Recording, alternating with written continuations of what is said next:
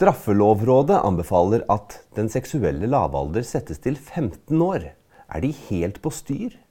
WHO har gjennomført pandemiøvelse med virus som hovedsakelig rammer barn. Lovisenberg Omsorg vektlegger koronasprøyter for ansettelser. Og EU har planene klare for private klimakvoter. Jeg er Simon Friis Larsen. Dette er Friis Larsen-showet.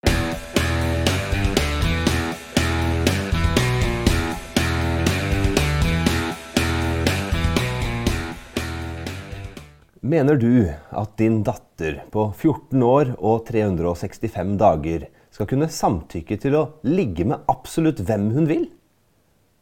Nei, jeg tror ikke du mener det, nei. Nei, Men det mener Straffelovrådet. Ja, For nå har de eh, gått ut med en anbefaling og sagt at eh, den seksuelle lavalder skal settes til 15 år.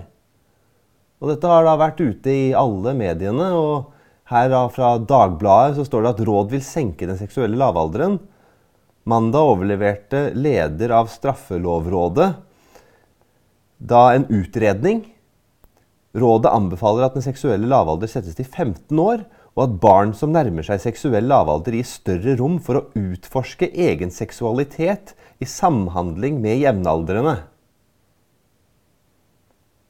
Så dette rådet, da, som åpenbart kommer med dårlige råd, vil da at barn skal drive og tukle med hverandre og eh, samtykke til å kunne ligge med andre når de er 15 år. Altså Når du er 16 år, så har du kanskje en viss evne til å beskytte deg selv og tenke at ja, det er spennende osv., men dette kan jeg si ja eller nei til. Men når du er 15 år, da er du liten, altså. Hva er det man ikke kan lokkes med som en 15-åring eh, til å såkalt samtykke? Og hvilket press er det ikke da som skal komme på disse barna? Husk at det er ungdomsskoleelever det er snakk om. Helt på slutten her mot 10. klasse, begynnelsen på videregående. Skal de starte videregående skole med et press på seg til at ja, nå har du startet på videregående, så nå må du se å ligge med noen. Det er lovlig nå, skjønner du. Man evner jo ikke å tenke konsekvenser her. Skal man ha russeknuter hvor det er om å gjøre å hente inn en 15-åring inn i bussen? Så skal man ha eh, denne 15-åringen her som samtykker på rundgang. Jeg tror ikke det. Skal man kunne sende sin sønn eller sin datter på noen fritidsaktiviteter, eller at de er ute med ungdommen? Og så skal man ikke ha en lov som beskytter dem hvis noen skulle ta på dem. Ja, men sånn lov finnes jo. Ja, men det snakker jeg om såkalt samtykke her. Man er 15 år. Og så tror man liksom at det ikke vil være noe press, og det ikke vil være noe Altså Husk at den loven om seksuell lavalder, den beskytter barnet, ja. Men den er også en hjelp til foreldrene.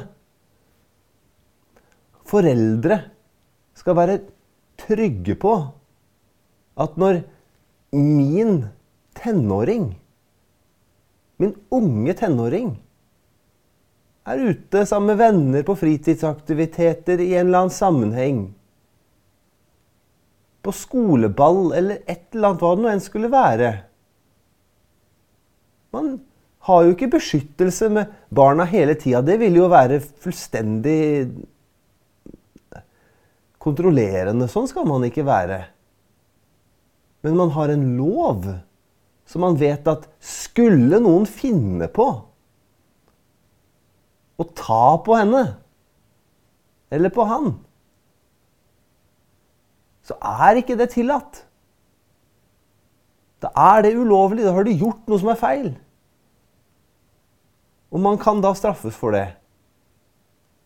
Men hvis man kan da senke dette her til 15 år Hvem vil ikke utnytte seg av det, da? Snakker om ungdommer som skal kunne utforske sin egen seksualitet. Det greier de da vel? Det er jo ikke, kan jo umulig være det det handler om. Det er voksne folk som ser seg rundt etter hvem kan de få på kroken nå. Oi, hun derre nabojenta, ja, hun var søt, ja. 15 år.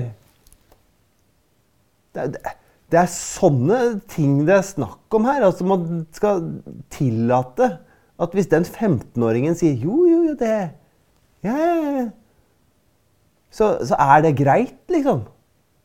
Det er ikke det. Det er helt på jordet. Det har ingenting i vårt samfunn å gjøre. Og det er virkelig på tide at vi som er foreldre, og spesielt fedre Jo, mødre òg selvfølgelig, men spesielt fedre må reise seg opp og beskytte barna våre. Beskytte dem mot at man skal kunne endre lovverk som er til hjelp for oss. Det er lovverk som er til hjelp for oss, som gjør at vi vet at våre barn er trygge der ute. For skulle det skje noe, så er det lovbrudd.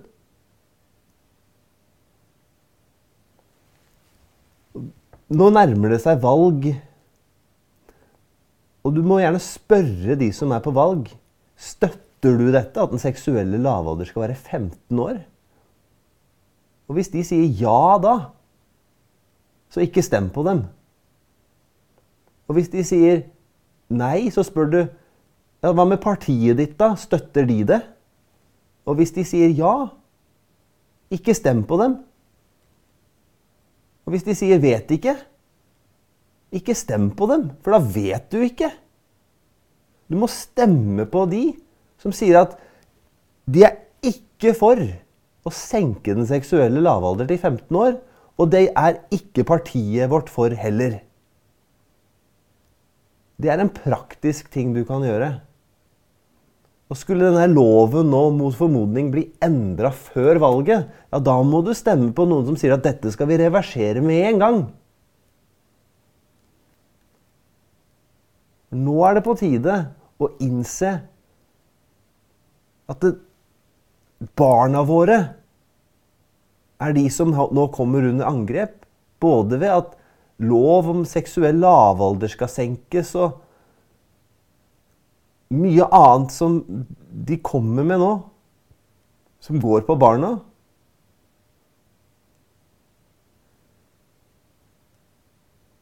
Vi må beskytte barna våre og ha et lovverk som beskytter barna våre.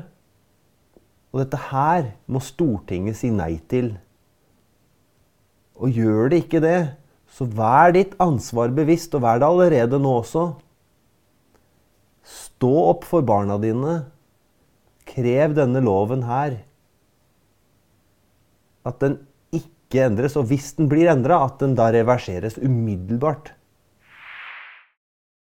WHO har gjennomført pandemiøvelse der øvelsen går ut på at det er et virus som hovedsakelig rammer barn.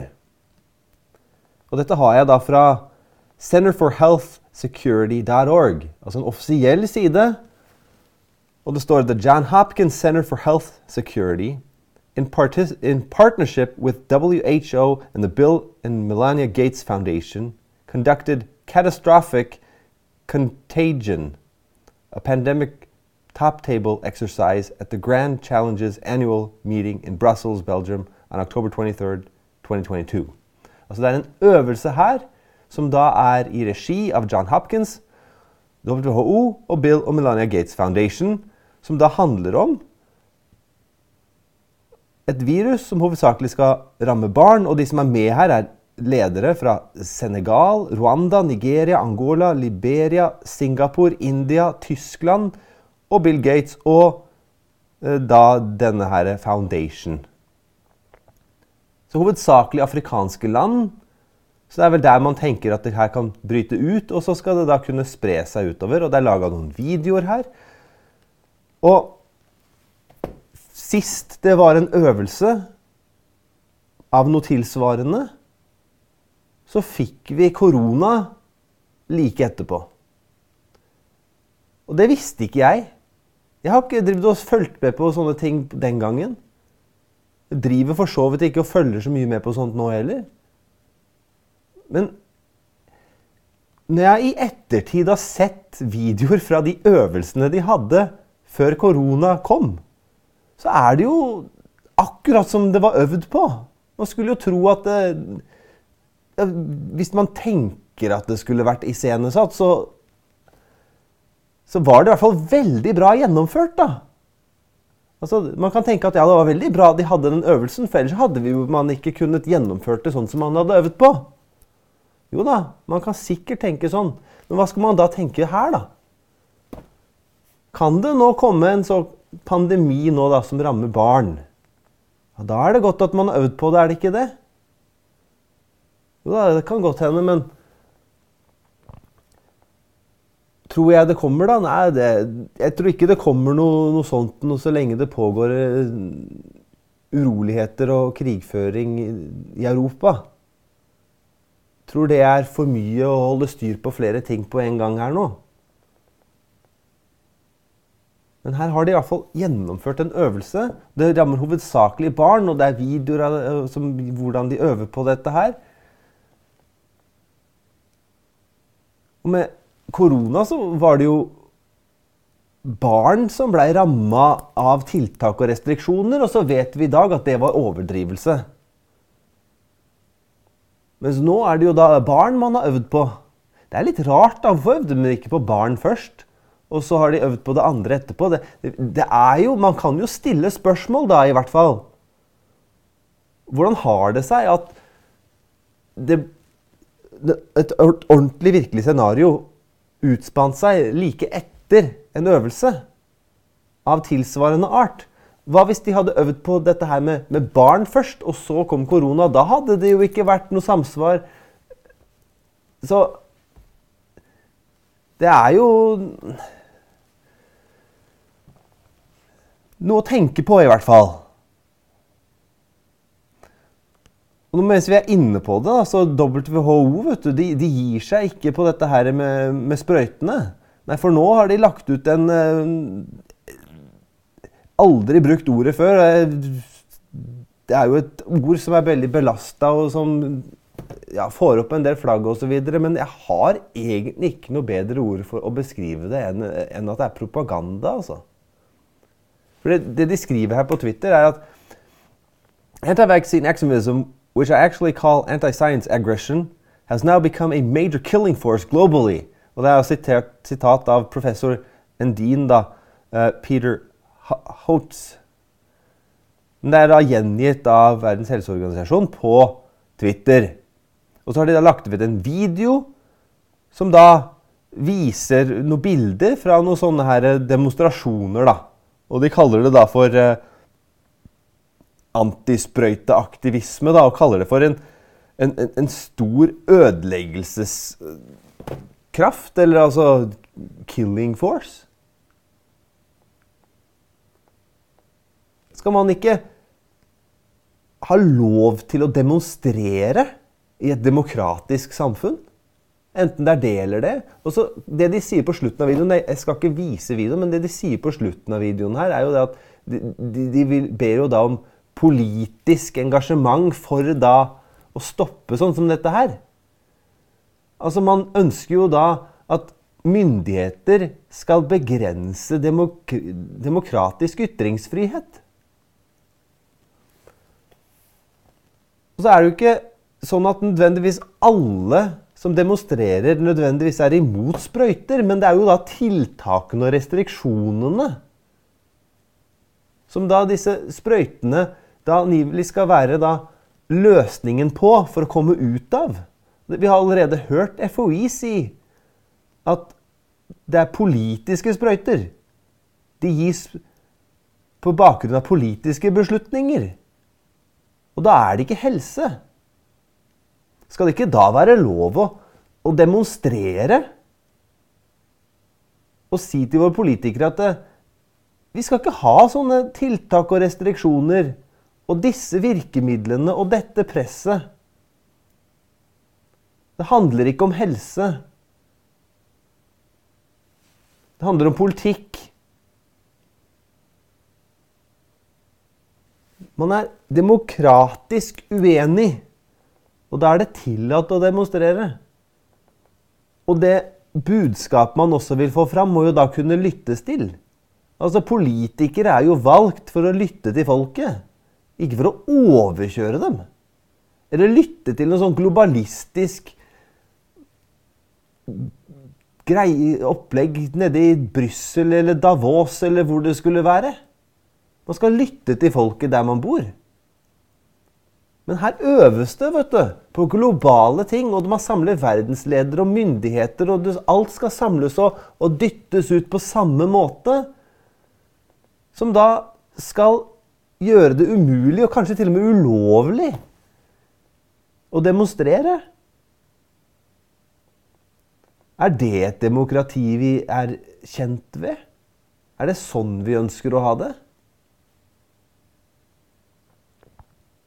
Tenk hvis det var en annet scenario, at du hadde hatt en konservativ regjering, og så hadde det vært en eller annen demonstrasjon for eh, Black Lives Matter, eller et eller annet sånt, og så skulle man si at nei, det er ikke lov. Eller en sånn pride-feiring eller noe sånt. Nei, det er strengt forbudt. Det, det er jo ikke det, det, er jo ikke sånn. Man hadde jo tillatt det, selv om man hadde vært uenig med det. Det er jo ikke Mens her skal man kalle det Nei, det her er dødelig. Ja, det, det, er skadelig på, på sinnet, mye av det andre som demonstreres for. Men det tillates jo. Det er en del av det åpne samfunn, en del av demokratiet. Det skal jo ikke være sånn at fordi man har fått politisk makt, så skal man gjøre alt for å knuse enhver motrøst. Man skal jo være åpen for de røstene, og så kan man svare med argumenter og Ikke sånn herre Å kalle ting for eh, killing force og det, Hvor er vitenskapen? Den undertrykkes, vet du. Den skal du ikke få fram. Det som faktisk foregår. Det er jo sånn som i Twitter-files, som er også en kjent sak. I hvert fall for de som følger litt med. Får ikke så mye av det i, i hovedstrømsmedia, men altså Twitter, da, som har avslørt hvordan da man, det har vært samarbeid med amerikanske myndigheter, og hvordan man da har undertrykket meninger fra fremstående folk, forskere og andre som har viktige synspunkter å komme med, bl.a. på dette med korona og klima, og for den saks skyld. Fordi at man skal ha igjennom kun ett budskap, så folk får det innprenta. Og så skal man da ikke kunne da komme fram med noe annet. Så når folk da kommer med noe annet, så er alle andre motstandere med en gang kaller dem for konspi og det ene og det andre. Og får en apati og en aggresjon mot folk som har andre synspunkter. Sånn skal vi ikke ha det. Så nå har det vært en øvelse, da. Og det handler om barn. Vi må beskytte barna våre.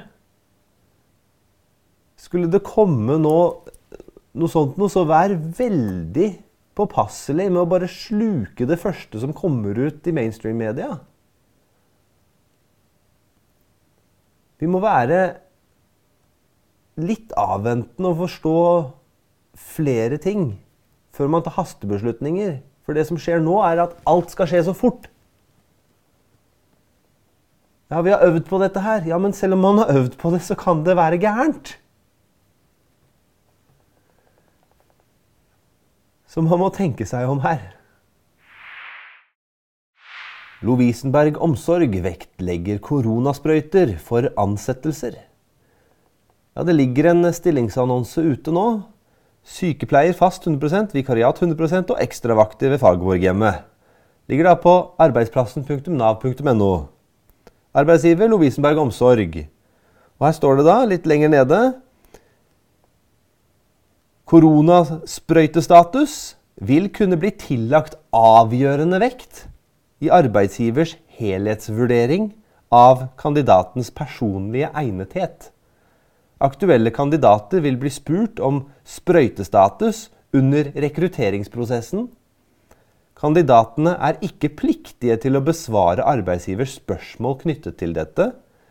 Kandidater som ikke vil oppgi sprøytestatus, vil bli ansett som usprøytede. Sleip formulering, vil du ikke si det? Altså Her skal du ikke behøve å oppgi, men eh, hvis du ikke gjør det, så skal vi anta at du ikke er det. Og så skal det da være tillagt avgjørende vekt for arbeidsgivers helhetsvurdering. Så du kan være kvalifisert bedre enn alle andre. Og så svarer du ikke på en helseopplysning om hvorvidt du har tatt et, en sprøyte. Og så skal det ha en avgjørende betydning for helhetsvurderingen. Det er jo egentlig en måte bare å si det at nei, vet du hva, hvis du, du ikke svarer på det, så er du ikke kvalifisert ferdig.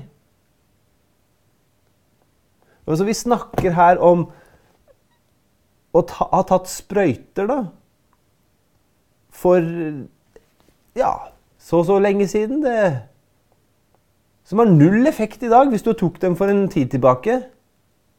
Har jo ingen effekt lenger hvis du tok dem da i fjor. Da er det borte. Men da kan du vise deg at jo da, jeg har tatt det. Ja, flink, lovlig, lovlydende Nei, det er ikke det der. Det er sånn man har tatt det og, og, og, hørt på en anbefaling, og så har man fulgt det.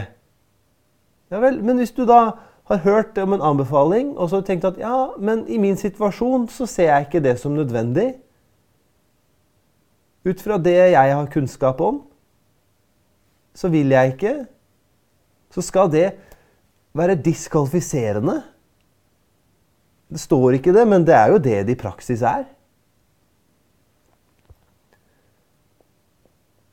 Så altså, du kan ikke da få jobb som sykepleier hvis du ikke har tatt sprøyter. Og hvem er det som søker jobb som sykepleier?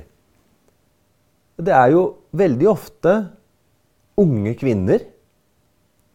Og hva vet vi om disse sprøytene og unge kvinner? Vi vet at forstyrrelser i menstruasjonen er en vanlig bivirkning, så skal man Hvis man da ikke har tatt sprøyter, hvorfor skal man i dag utsette seg for farene ved å da kunne få menstruasjonsproblemer resten av livet? Eller så får du ikke jobb. Dette her er jo diskriminering. at Lovisenberg omsorg diskriminerer ved ansettelse. Altså, alle diskriminerer til en viss grad ved ansettelse. Det gjør man jo. Man diskriminerer jo ved om man er kvalifisert eller ikke. og sånn. Så visse sånne, sånne, ting, Men her diskriminerer man på helseopplysning. Men man diskriminerer da på én bestemt sprøyte som vi vet ikke har noen effekt etter en viss tid, og som kan gjøre at disse kvinnene kan få menstruasjonsproblemer. Helt forkastelig å vektlegge det som avgjørende for en ansettelse. Sånn skal man ikke ha det. Dette her må de trekke tilbake. Det er ikke for noe annet enn å si det at ja, her har vi da ansatte som er eh, villige til å gjøre enhver ting. Man må kunne se det at personlig egnethet og kvalifikasjoner ikke handler om sprøytestatus. EU har planene klare for private klimakvoter. Det er Steigan som melder dette, sier at EU-parlamentet har vedtatt utvidelsene av sin omstridte klimapakke Fit for 55. Den betyr bl.a. at alles private utslipp skal spores ned til individnivå. Så da må vi virkelig passe på å ikke slippe igjen. For da blir du straffa for det. Her er jubelmeldinga fra EU-parlamentet. Og her er det da fra Twitter breaking. EP negotiations have reached a deal on a reform of emissions trading system and the creation of new social climate fund. Altså, I praksis så vil dette her bety at ethvert individ skal overvåkes. Og korona det var en test på hvor lydige folk er, og hvordan man kan utvikle et digitalt system som gjør at man må gå rundt og ha et pass som viser at du har et gyldig status. Nei, nei, nei, nei det er konspir, kan ikke si det. Å, kan ikke det? Se her på websiden til WEF. Her står det da om uh, Our world is transforming. Big community trends for sustainable cities. Og så står det her Punkt 1. Corona was the test of social responsibility. Altså korona var testen for hvorvidt man da var uh, ansvarsfull. Så det er Virkelig! Det står det også her. Jeg skal oversette til norsk. Korona var testen på sosialt ansvar. Et stort antall ufattelige begrensninger for folkehelsen ble vedtatt av milliarder av innbyggere over hele verden. Det var mange eksempler globalt på, opp, å opprettholde sosial distansering, bære masker, massesprøyting og aksept av kontaktsporingsapplikasjoner for folkehelse, noe som demonstrerte kjernen i individuelt samfunnsansvar. Og så var det altså da teknologiske gjennombrudd og koronasertifikat. Og det neste blir sånn her digital ID. Og så blir det sånn såkalt sosialt kredittsystem. Hvor du, da du må ha et visst antall poeng eller en viss antall godkjenninger Sånn og sånn og sånn må være oppfylt. Eller hvis du ryker ut, nei, da har du ikke tilgang. og Det er sånn i Kina. Australia begynner med sånt som dette her. Og såkalte smart cities, altså sånne smarte byer. Det var eh, Malcolm Rogers som sa det at eh, smarte byer, det er eh, en finere måte å uttrykke konsentrasjonsleir. Det er ikke mitt sitat, det var Malcolm Roberts. Altså, man blir bundet, innhegna, i et system som kontrollerer. Du blir overvåka. Du har da karbonsporing på alt du gjør. Hver gang du setter deg i bilen eller du tar et fly eller en eller annen ting, og så skal det regnes ut da, ja, hvor mye har du brukt strøm i dag? Og så skal du da måtte betale for da ditt personlige forbruk. Og så skal du da måtte bruke fyring osv. Og, så videre, og så skal du måtte betale for da det du har brukt. Men så skal du belønnes for å bruke såkalte klimavennlige kilder gjennom subsidier fra staten. Men altså, hvis du får subsidier fra staten, så er bærekraft borte. Altså Hvis man skal bruke såkalte bærekraftige energikilder Og for å bruke de, så er man avhengig av subsidier fra staten. Ja, Men da er du ikke bærekraftig, da jo. Du får jo belønning. Men det betaler ikke for det faktiske forbruket ditt, da. Fordi at belønningen er jo med på å redusere kostnaden ved det du da faktisk bruker. Det dekker ikke opp ditt faktiske forbruk i forhold til det du egentlig skal betale. Mens hvis du bruker da energikilder som ikke er bærekraftige, ja, da skal du straffes for det. Da skal du betale. Og da havner du i et system som du ikke kommer ut av. Og Det er derfor det er så viktig allerede nå å ha politikere som går imot dette. Altså, Hvorfor skal vi høre på politikerne Ikke politikerne. Hvorfor skal vi høre på eh, disse herre Fit for 55 i EU-parlamentet? Norge er da en selvstendig nasjon. Vi kan bare si at nei, det skal ikke vi ha noe av. Ja, men da vil de true med sånn og sånn. Ja, men da sier vi at nei, men vet du hva? Dere er avhengig av gassen vår. Skal dere ha den eller ikke? Vi har mange ting å slå i bordet med overfor et EU som skal forsøke å regulere oss. Overfor en global styring som ønsker å, at vi også skal være slaver under det.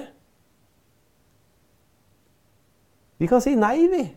Og så kan vi snu og si at nei, vi har helt andre verdier. I Norge så har vi ren energi. Vi, vi har vannkraft, vi. Vi er energiuavhengige, vi. Så vi klarer oss helt fint selv. Og vil du ha litt av den, ja, da får dere betale for det. Ja, Den skal ikke gå på bekostning av våre innbyggere. Men det får du ikke de, fra de partiene som er på Stortinget i dag. Du får ikke det fra Arbeiderpartiet. Du får ikke det fra Høyre. Altså, nå ser vi jo at Arbeiderpartiet går tilbake, og Høyre, skal, Høyre øh, går fram. Men altså, Høyre har jo ikke noe alternativ. Så jo, Man må jo ikke tro at å gå til Arbeiderpartiet vil gjøre ting bedre. Eller å gå til Høyre, mener jeg. Altså, Man må ikke tro at å gå fra Arbeiderpartiet til Høyre vil gjøre noe bedre blir bare samme. For de, de har grunnleggende samme forutsetninger på dette her. Så man må få inn de som tenker annerledes. Og nå vet jeg at på Friis Larsen-showet så snakker jeg ikke så ofte partipolitisk, men det er mitt show, så jeg nevner det. At det, det er partiet som er utenfor Stortinget, som må opp og fram hvis man skal ha et noe å komme med her som ikke er globalistisk og akkurat det samme. Og konservativt er det partiet du da må se på.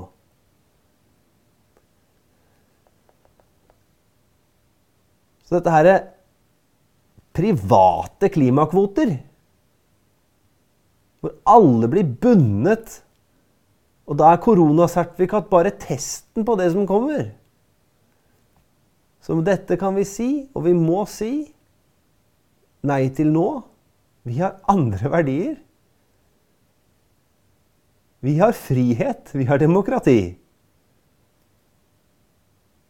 Og det er ikke demokrati hvis man da fortsetter å stemme på de samme som vil innskrenke demokratiet i praksis. Til slutt så avslutter jeg med noe bibelsk, noe teologisk eller apologetisk. Og denne gangen så viser jeg til en sak som står i Verdinytt. Og det handler da om tre barn som rapper om Jesus. Det er en julesang som eh, handler om juletiden. Og det står 'Juletiden er i gang, og alle hjerter gleder seg'. Mamma baker pepperkaker, pappa pynter juletre. Alle barna venter på at de får mange julegaver. Og julen handler om mer enn dette. Julen handler om Jesus. Og så synges det Jesus er grunnen til denne feiringen. Og dette syns jeg er flott.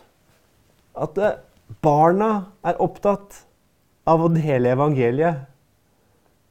Jesus sa, 'La de små barn komme til meg, for mitt rike hører dem til'. Og her er det altså barna som synger om Jesus som kom til oss, og hvorfor Jesus måtte gi sitt liv for oss, sies det også i denne sangen. Vi kan høre litt på sangen. For et barn er født, en sønn er oss gitt. Herredømme er på hans skulder, han er under rådgiver. Vel Gud er vi far, freds fyrste.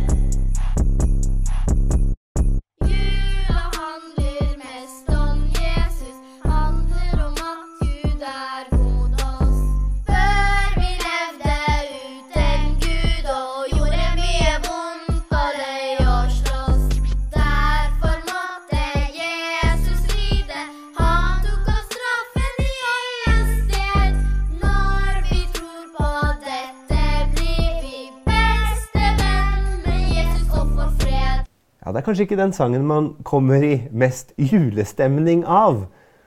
Men det er eh, et viktig budskap. Det er virkelig det julen handler om. Og det er så nydelig at det er barna som bringer dette budskapet ut. Jeg ønsker dere alle en riktig god og velsignet jul. Jeg er Simon Friis Larsen. Dette er Friis Larsen-showet.